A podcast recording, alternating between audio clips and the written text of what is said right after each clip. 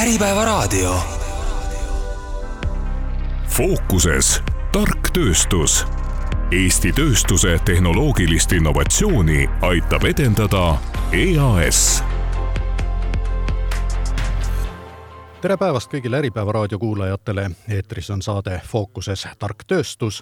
ja täna räägime tõeliselt targast tööstusest. nimelt lähme vaatame, kuidas ravimite arendamine Eestis läheb ja sellest teemast on tänases saates rääkimas Icosaageni teadusdirektor Mart Ustav juunior ja EAS-i ja KredExi ühendasutuse rakendusuuringute osakonna arendusjuht Mart Toots, tere päevast! tere! Et äh, alustame nüüd tegelikult natukene siin Icosaagenist, et äh, see aasta oli Icosaageni jaoks äh, päris selline silmapaistev, võiks öelda, et te võitsite siis Eesti aasta ettevõtte tiitli ja ka aasta innovaatori tiitli. et Mart Ustav, kuidas siis vastu võtsite need tiitlid enda jaoks? No ikkagi äh, rõõmuavaldustega, et äh, eelkõige on see ikkagi tunnustus meie töötajatele nii-öelda selle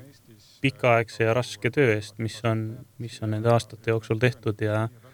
ja eks me ise nii-öelda näeme ikkagi seda rasket tööd äh, iga-aastaselt, aga see on tõesti võib-olla es, esimene aasta, kui kui ettevõttest väljaspool Eesti kontekstis, eks ole, on hakatud selle, seda nii-öelda märkama rohkem. no teie isa, samuti Mart Ustav, ütles, et äh, Icosaagen ei tahakski olla mitte Eesti, vaid maailma parim ettevõte. no tõepoolest jah, ega väiksemaid eesmärke ei ole ju mõtet seada, et äh, me ju valdavas enamuses ikkagi ju tegutseme väljaspool Eestit.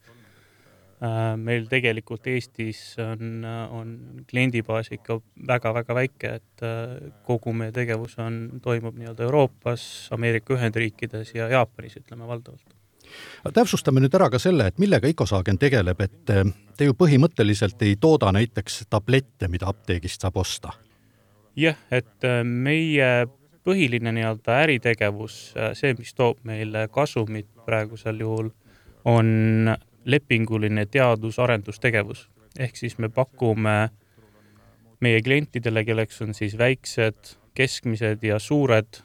biotehnoloogia farmaatsiaettevõtted üle kogu maailma, nendele ravimite arendamise, eelkõige bioloogiliste ravimite arendamise teenust. ehk siis alates sellest, et me, meil on tehnoloogiad välja arendatud, mis võimaldavad neid ravimikandidaate tuvastada, meil on olemas tehnoloogiad, mis võimaldavad neid ravimikandidaate nii-öelda täiendada, arendada, parendada ja meil on olemas tehnoloogiad, mis võimaldavad neid ravimikandidaate ka toota. ja nüüd just see aasta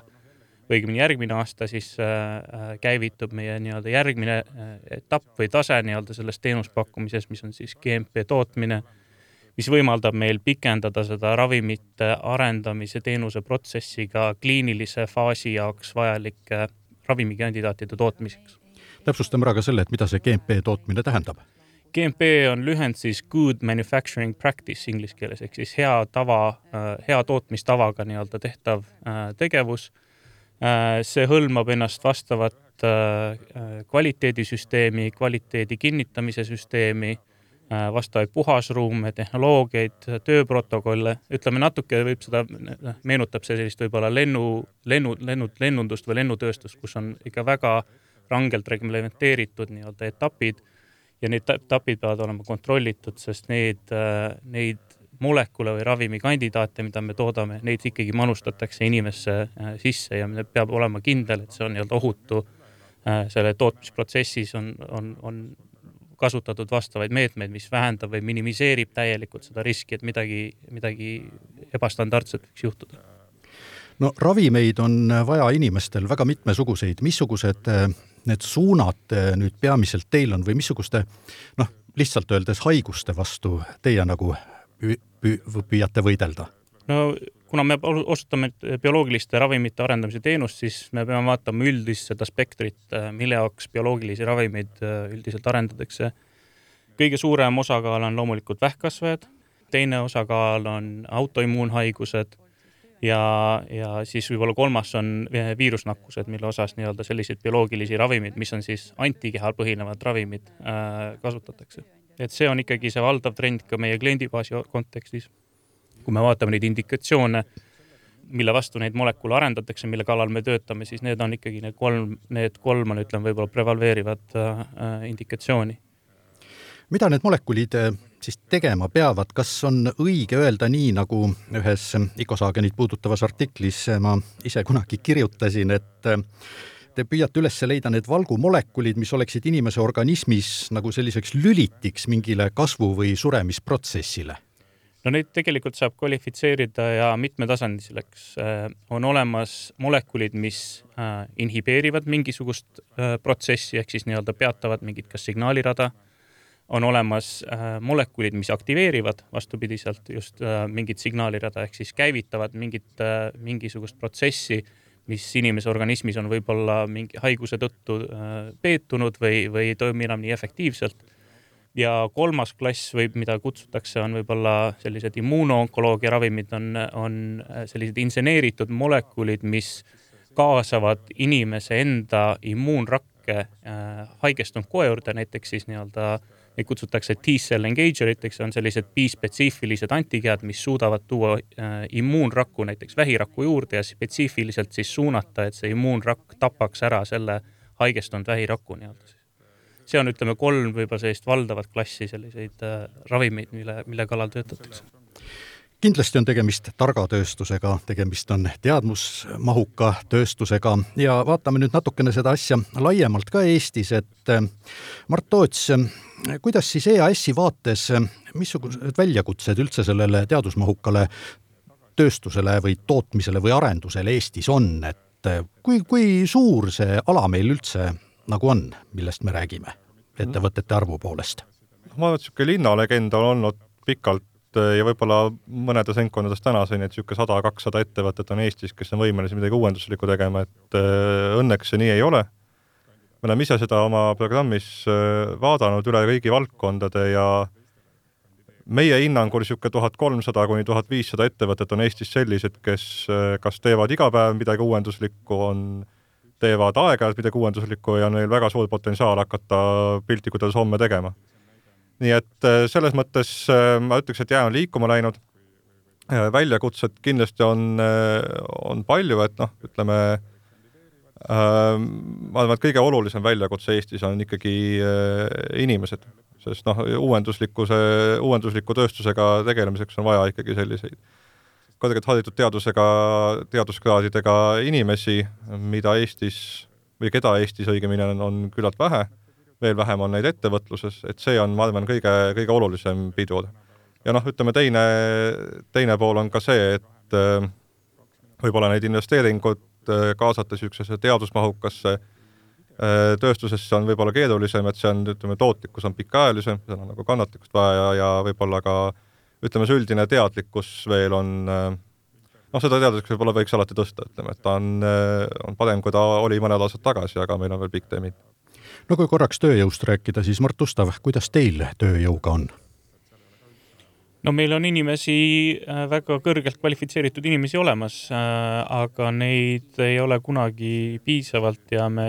pidevalt otsime võimalusi, et neid inimesi esiteks juurde tuua teiseks neid kohapealseid olevaid inimesi ka koolitada äh, nendesse vastavatesse rollidesse, mis, mis meil on vaja täita. Et äh, kindlasti ei ole see lihtne, sest tegelikult ju Eestis puudub äh, suures plaanis äh, sellealane äh, alusteadustöö nii-öelda ülikoolides, mida, millega meie nii-öelda valdavalt ka tegeleme, et meil on küll teatud nii-öelda ülekatet on, aga aga no ütleme, mis näiteks puudutab valkude bioloogiat, nii-öelda protein science kui sellist valdkonda, siis tegelikult seda, selle, see osakaal on tegelikult Eesti teaduses katmata. Ja konkurents nende inimeste peale ei ole mitte Eesti-sisene, vaid ülemaailmne? kindlasti, et, et need inim-, inimesed ju saavad aru selgelt, et mida see, mida see tegevus endast nii-öelda hõlmab ja mis võimalusi on oma teadmisi rakendada, et, et meil on kindlasti ju konkurents nii põhja pool kui ka lääne pool nii-öelda no kui nüüd jälle EAS-i poolt vaadata, siis missugused need riiklikud toetusvõimalused nüüd sellistele ettevõtetele on, on neid olemas? On ikka, sama programm, kust äh, mina tulen, see, see ju täpselt selle jaoks ellu kutsutigi, et seda teadusmahukat suure riskiga tehnoloogiaid, tehnoloogiate väljatöötamist avaliku sektori poolt toetada, sest noh, ütleme kui sa hakkad midagi väga uuenduslikuga tegelema, siis definitsiooni järgi sa võid tehnoloogiliste põhjustel läbi kukkuda. ja noh, selleks, et neid riske nagu ettevõtja jaoks maandada, siis sellepärast nagu on avalik sektor tuleb appi. Ja noh, ütleme hea meel on see, et noh, nii-öelda on toimunud selge hüpe Eesti vaatest, et see toetuse summad, mis nüüd täna ettevõtetele saada on, on ikkagi märgatavalt kõrgemad, kui nad olid mõned aastad tagasi. aga noh, alati ütleme, huvi selliste projektide läbiviimise vastu on, on oluliselt, oluliselt suurem kui meie võimalused kahjuks toetada, nii et selles mõttes on ka konkurents äh, tõsine. ja nüüd teine, ütleme, suurem, ütleme, algatus, mis äh, Majandusministeeriumi poolt just nagu ettevõtluse ja teadusmahuka ettevõtluse toetamiseks on käima minemas, on äh, Rakendusuuringute Keskuse käivitamine sellel aastal, et see, kui EAS, ütleme, pakub niisugust nõustamist, rahastamist, ütleme, kontakte välismaal, kõike niisugust, siis see keskus teiselt poolt hakkab siis lähi, lähiajal pakkuma ettevõtetele sellist ütleme,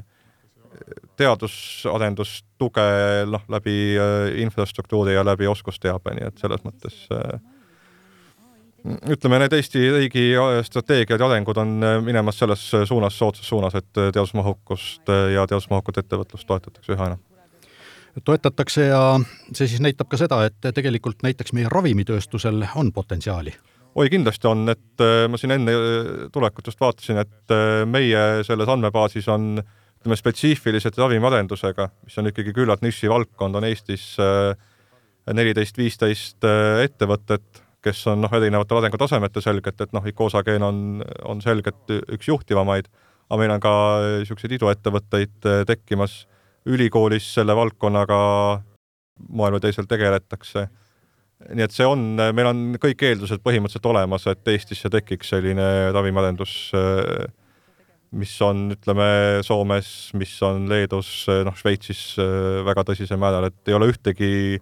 põhjust, miks Eestisse ei võiks tekkida. Neid on ikka üllatavalt palju noh, kui siin enne linnalegendist rääkisite, siis tegelikult arvaks ka, et ähm, neid on mõned üksikud, aga siiski on neid rohkem. samas on Eestis palju räägitud sellest, et teadusrahastus on meil väike, et ähm, sellest jääb pidevalt puudu. kas siin ei ole siis mitte selline kusagile paradoks tekkinud? No tähendab, raha ei ole kunagi selgelt liiga palju, see on, see on nagu tõsi. Et eh, noh, ütleme nüüd eh, panna, paneb Eesti ühe protsendi SKP-st eh, teadusesse, et noh, Skandinaavia paneb natuke rohkem, see on tõsi, aga ma arvan, et üks seni ütleme pigem vähem kasutatud võimalus on Euroopa Liidu fondide poole vaadata, et kui me oleksime noh, ütleme koju toodud eurode vaates nagu Soome või Rootsi tasemel, siis meil oleks ikkagi hea mitukümmend miljonit eurot aastas Eesti teadussüsteemi rohkem, et selles mõttes äh, ma arvaks, et äh, võimalusi täna on pigem rohkem, kui oli eile või ütleme, mõned aastad tagasi, et ma ei ütle kindlasti, et kõik on hästi, aga me liigume õiges suunas, ma arvan. Mart? võib-olla ma täiendan seda veel, ütleme meiepoolse vaatega ka, et praegune Eesti teadussüsteem, see rahastus, mis on nii-öelda, on, on piisav selleks, et taastoota nii-öelda või pakkuda teadusmahukat või teaduspõhist äh, õppetööd, aga kui vaadata, ütleme seda osa, kuidas äh, teaduse kvaliteeti näiteks mõõdetakse või seda tulemit, mis selle tegevuse eest äh, saadakse, siis meie vaatest on teaduse kvaliteeti näitab see, kui palju tekitatakse patente või patenditaotlusi nendest teadustööst või uurimustööst. Ja selles osas Eesti on kindlasti äh, tagaotsas lonkiv, et äh, mis oli umbes peaaegu kümme korda vähem, ütleme, patenditaotlusi kui, kui Põhjamaades äh, saja tuhande elaniku kohta samalaegselt, kui me ise räägime, et nii-öelda üks protsent, mis on, ütleme, arvestatav kogus, ütleme, SKP-st pannakse sisse, siis on küsimus, et mis, äh, mis teadustööd me selle eest rahastame või, või miks, võib-olla see teadustöö isegi võib-olla on okei okay ja õige aga miks ei äh,, ei taheta seda teadustööd nii-öelda kaitsta või leida võimalusi vähemasti või anda võimalust isegi äh, seda kommertsialiseerida, sest patenditaotluse sisseandmine on tegelikult suhteliselt odav äh,, odav tegevus, ütleme, see maksab laias laastus viis tuhat äh, eurot või dollarit. sama ajal kui selle nii-öelda teadustöö publitseerimine võib-olla maksab selline paar-kolm tuhat äh, eurot, eks ole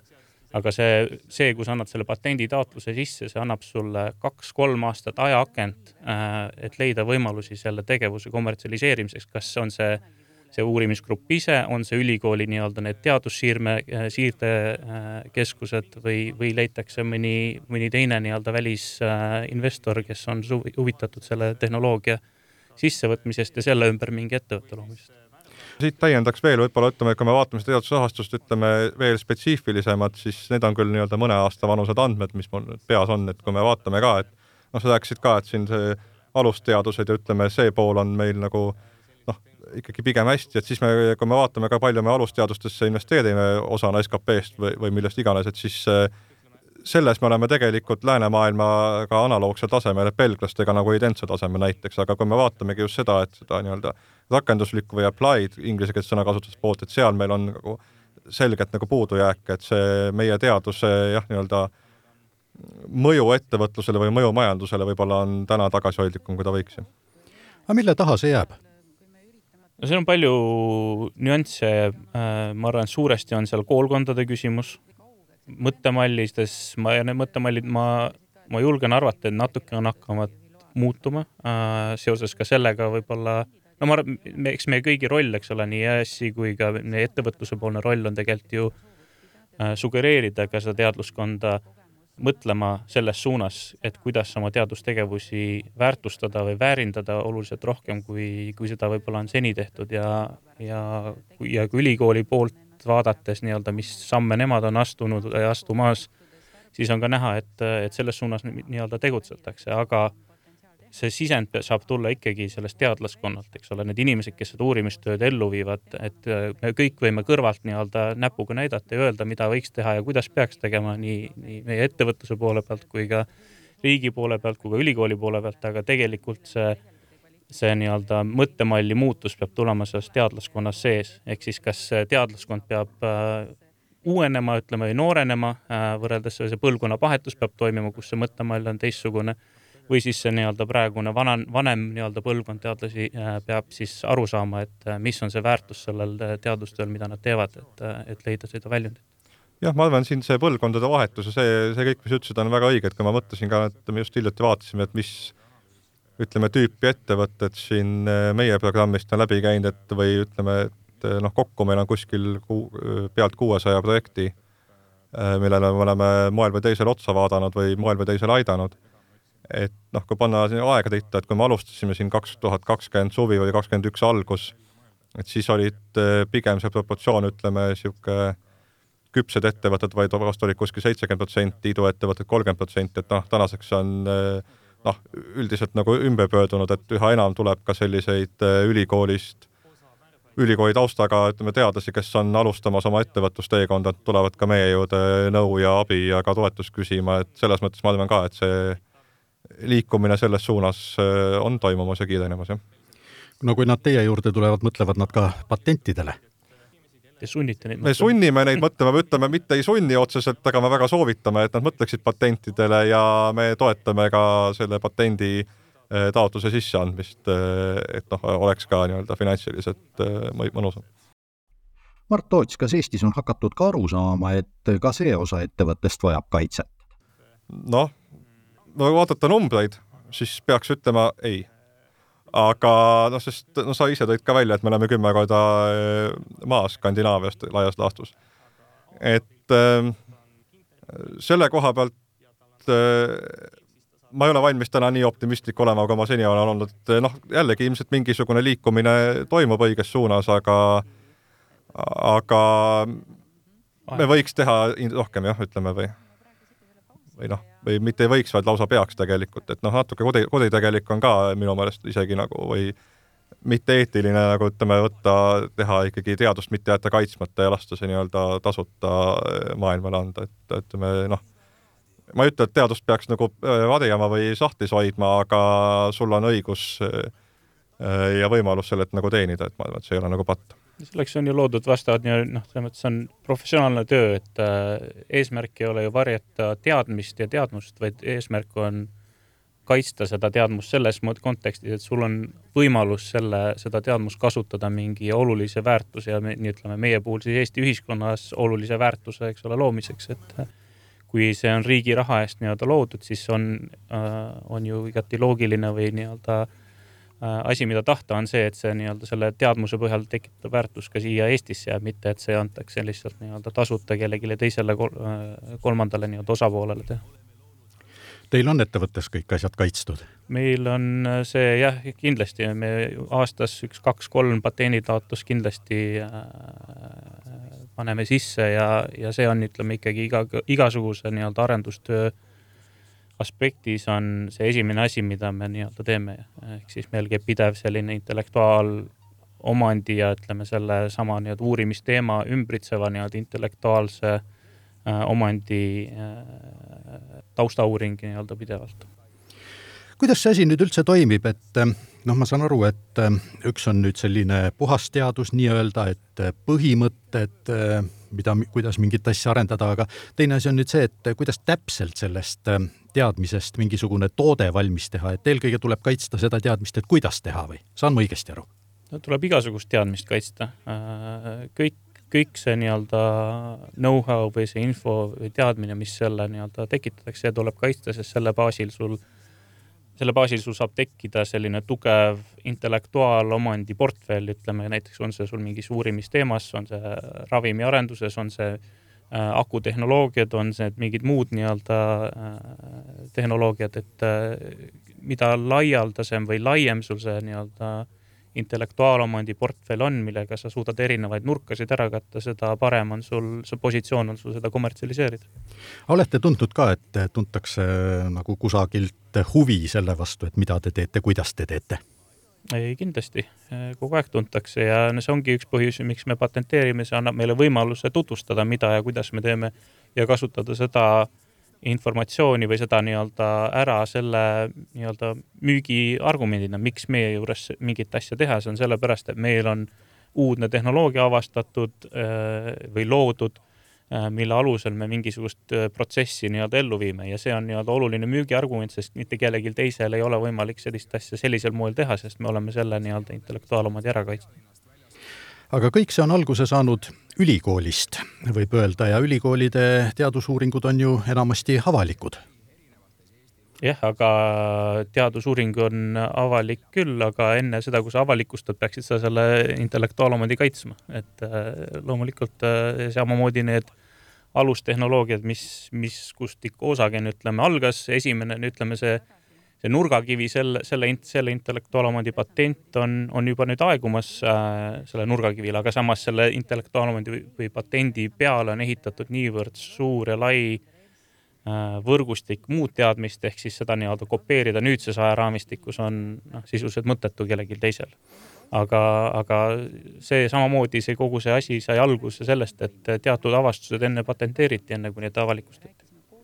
ühesõnaga, kokkuvõtteks võib selle teema kohta öelda, et eh, kui midagi uut eh, avastatakse, midagi uut leitakse, siis see tuleb ka ära kaitsta. Kui me ei oleks, kui meil ei oleks sellist asja ülikoolis eh, kaks tuhande, kahe tuhandendate alguses või keskel tehtud, siis sellisel kujul ikka osagene ilmselt ei oleks. päris kurb oleks siis? ilmselt küll, jah. no kui räägime nüüd üldse ülikoolidest, siis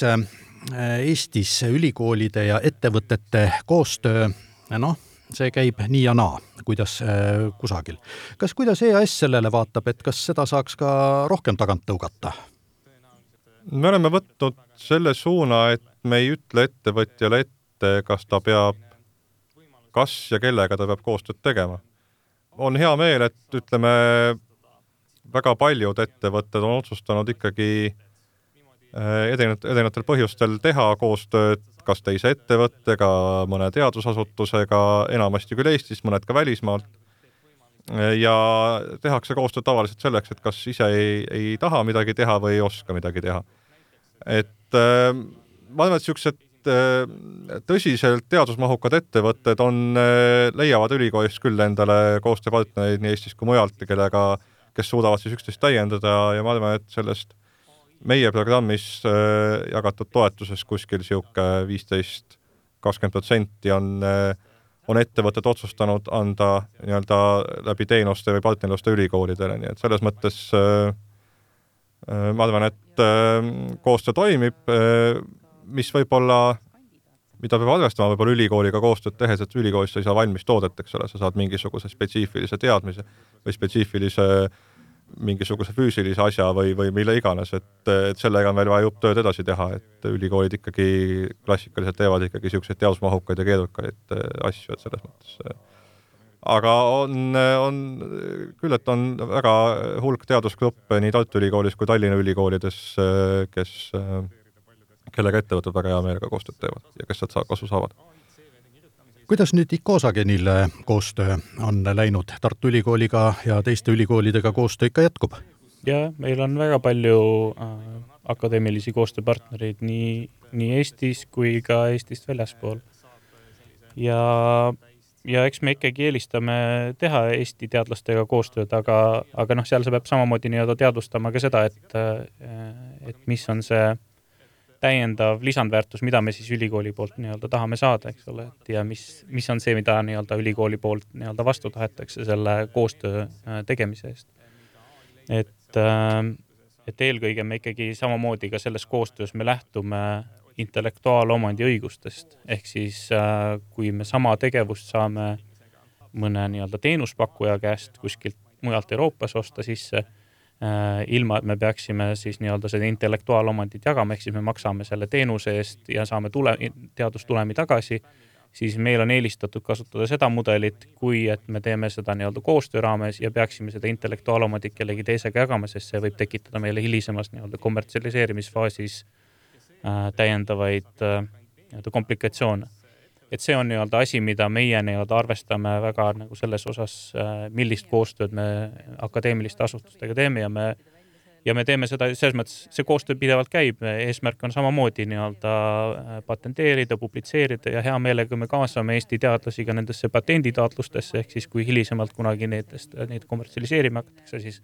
need teadlased, kes osalesid selles nii-öelda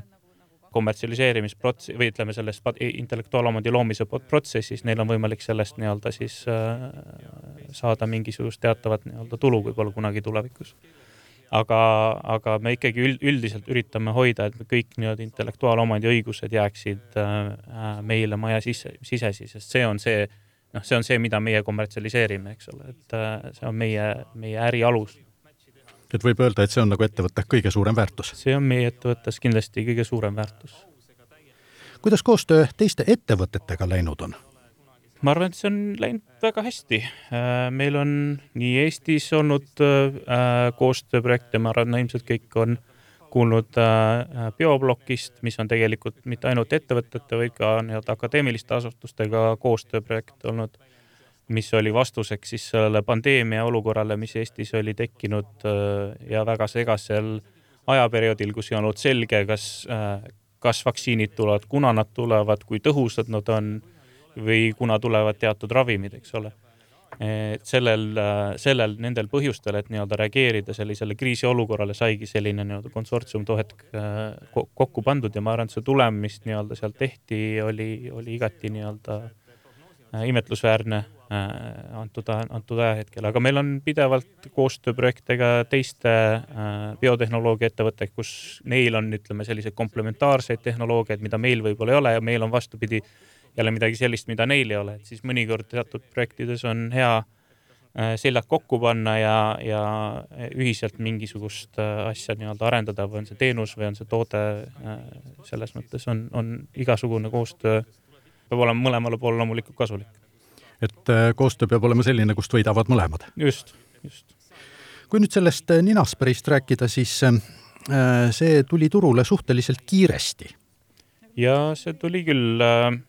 tea, mis ajaraamistik oli, natuke vist umbes aasta aega vist läks äkki aega selleks, et kus sellest nii-öelda ideest kuni, kuni esimese tooteni nii-öelda läks, läks aega. kas selline kiirus, kiirus paneb ettevõttele ka mingisugused sellised surve peale? No ettevõttele ütleme, on, eks seal on pidevalt surve, eks ole, aga kui no kui võtta see koroonakriis, siis äh, sisuliselt ju kogu ettevõtte jõud ja fookus ja ressursid suunati ainult ühe ainsa probleemi lahendamise peale. ja seda nii-öelda ka samuti teiste partnerite poolt ja ka, ja ka ülikoolide poolt, eks ole, väga suures osas. et see on lihtsalt hea näide, et kui on, kui on kriisiolukord, siis sellisel nii-öelda fokusseeritult, koordineeritud tegevusega on võimalik väga kiiresti ja väga suuri asju ära teha ja no on selge, et äh, sellised tervisekriisid või pandeemiad, äh, nagu nüüd oli, äh, need ei jää, need ei jää viimaseks, selliseid asju on minevikus olnud ja midagi ei ole teha, neid tuleb, ma ei tea, mis kujul veel, aga neid tuleb kunagi veel. ehk siis äh, omada riiklikult sellist valmisolekut äh, ettevõtete ja akadeemiliste asutuste ja ütleme ka siis äh, tootmisvõimsuste näol kohalikul tasemel äh, on tegelikult riigi strateegilises vaatevinklis kindlasti oluline ka tulevikuks, et, et selliste tervisekriisidega ka tulevikus me suudaksime võidelda. peab ütlema, et hea oli, et kõik need asjad olid olemas parasjagu. no nii on, kindlasti on jah, aga neid oleks võinud olla veel rohkem kas ähm, nüüd see ninasprei bioplokk oli nagu esimene selline toode, mis äh, päriselt ka teie poolt äh, välja töötatuna poelettidele või apteegilettidele jõudis? ja seda kindlasti, et meie, eks ole, osalesime siiski selle toote nii-öelda kontseptsiooni väljatöötamisel ja, ja toote nii-öelda arendamisel. see, mis puudutab seda toote nii-öelda või seda bioploki kui toote müüki või kommertsialiseerimist, siis sellega tegeleb äh, Chemi-Pharm, eks ole. kuna järgmisteni võite jõuda? Äh, no me plaanime kaks tuhat kakskümmend viis jõuda omaenda äh, ravimikandidaatidega kliinilistesse katsetustesse. see on meie praegune nii-öelda järgmine ajahorisont või mis, mis, kus me vaatame meie enda, noh, lisaks sellele, et me, me teeme, osutame teenustööd, meil on ka siiski omaenda äh, ravimiarenduse portfell äh, käimas, kus me siis üritame neid äh, samu bioloogilisi antikehadel põhinevaid ravimeid viia äh, ka kliinilistesse inimkatsetustesse ja meil on päris mitmeid nii-öelda neid programme jõudnud sellesse faasi, prekliinilises faasis, kus, äh, kus me oleme näinud äh, väga potentsiaalset äh, efekti teatud vähitüüpide nii-öelda proliferatsiooni või jagunemise peetumiseks. ja nüüd me tahamegi seda, neid ravimikandidaate viia edasi kliinilisse faasi, ehk siis meil oleks võimalik faas üks ja faas kaks kliinilised katsetused ellu viia ja see on, ütleme, järgmine selline verstapost meie enda nii-öelda toodete arenduses, kus meil on ikkagi äh, päris ravimikandidaadid äh, välja arendatud, mida me saame globaalsele turule siis nii-öelda hakata äh, välja litsenseerima või kommertsialiseerima. kui kaua need kliinilised katsetused aega peavad võtma? no see sõltub väga paljudest detailidest. see sõltub sellest kliinilisest taustast, ütleme selle haiguse kontekstis, kui suur on see patsientide populatsioon, keda sul on võimalik sellesse kliinilisse katsetusse värvata ja mis ajaperioodi jooksul. aga no laias laastus ütleme faas üks katsetused võtavad ikkagi aasta-kaks aega, siis sealt järgmine faas kaks sama, samamoodi, ütleme laias laastus sarnane ajaraamistik, et et see kogu see kliiniline programm võtab selline viis kuni seitse aastat võib aega võtta, eks ole, kuni kogu see nii-öelda kliiniline protsess läbi teha, aga ütleme, see hetk, kus me hakkame kommertsialiseerima, on oluliselt varem, ütleme, kus, sest meie ei plaani seda viia esimesi neid ravimikandidaate nii-öelda lõpptooteni nii-öelda välja, sest seal tavaliselt võtavad üle ikkagi need suuremad äh, ravimiettevõtted selle, selle programmi viimases faasis, eks ole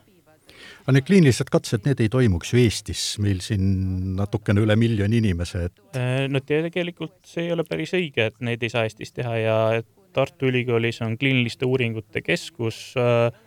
kes on võtnud endale fookuseks ka äh, just selle tüüpi faas üks, faas kaks kliiniliste katsetuste elluviimist Eestis. Äh, et, äh, et seda siiski on võimalik teha nii-öelda ka teatud, teatud määral Eestis, aga üldiselt kaasatakse mitmeid nii-öelda kliinilisi asutusi selleks, et neid katsetusi ellu viia, et need ei toimu ainult ühes kliinilises asutuses. noh, Eestis käimas on ju kümneid kliinilisi katsetusi, tõsi, neid faas ühte Eh, kas on null või väga-väga üksikud, aga mis on nagu mujalt maailmast eh, meieni EAS-is jõudnud teadmine vähemasti on see, et eh, ütleme, faas ühe vastu otsitakse üha uusi ja uusi kohti, kus faas ühte teha, kus oleks niisugune sobiv keskkond, piisavalt paindlikkus, kõik niisugused asjad, sest noh, neid hakat-, neid on tehta, tehakse nii palju, et nii-öelda USA-sse ja mujale nagu enam ei mahu hästi, et siis selles mõttes ka siin on Eesti vastu äh, vastu huvi olemas ja sellist äh, võimekust on kindlasti mõtet, eriti kui meil tekib nagu kodumaiseid ettevõtteid, kes selles suunas mõtlevad, et siis on võim-, mõistlik see võimekus siin üles ehitada kindlasti ja sellega inimesed, ma tean, et töötavad ka. on selliseid ettevõtteid veel Eestis?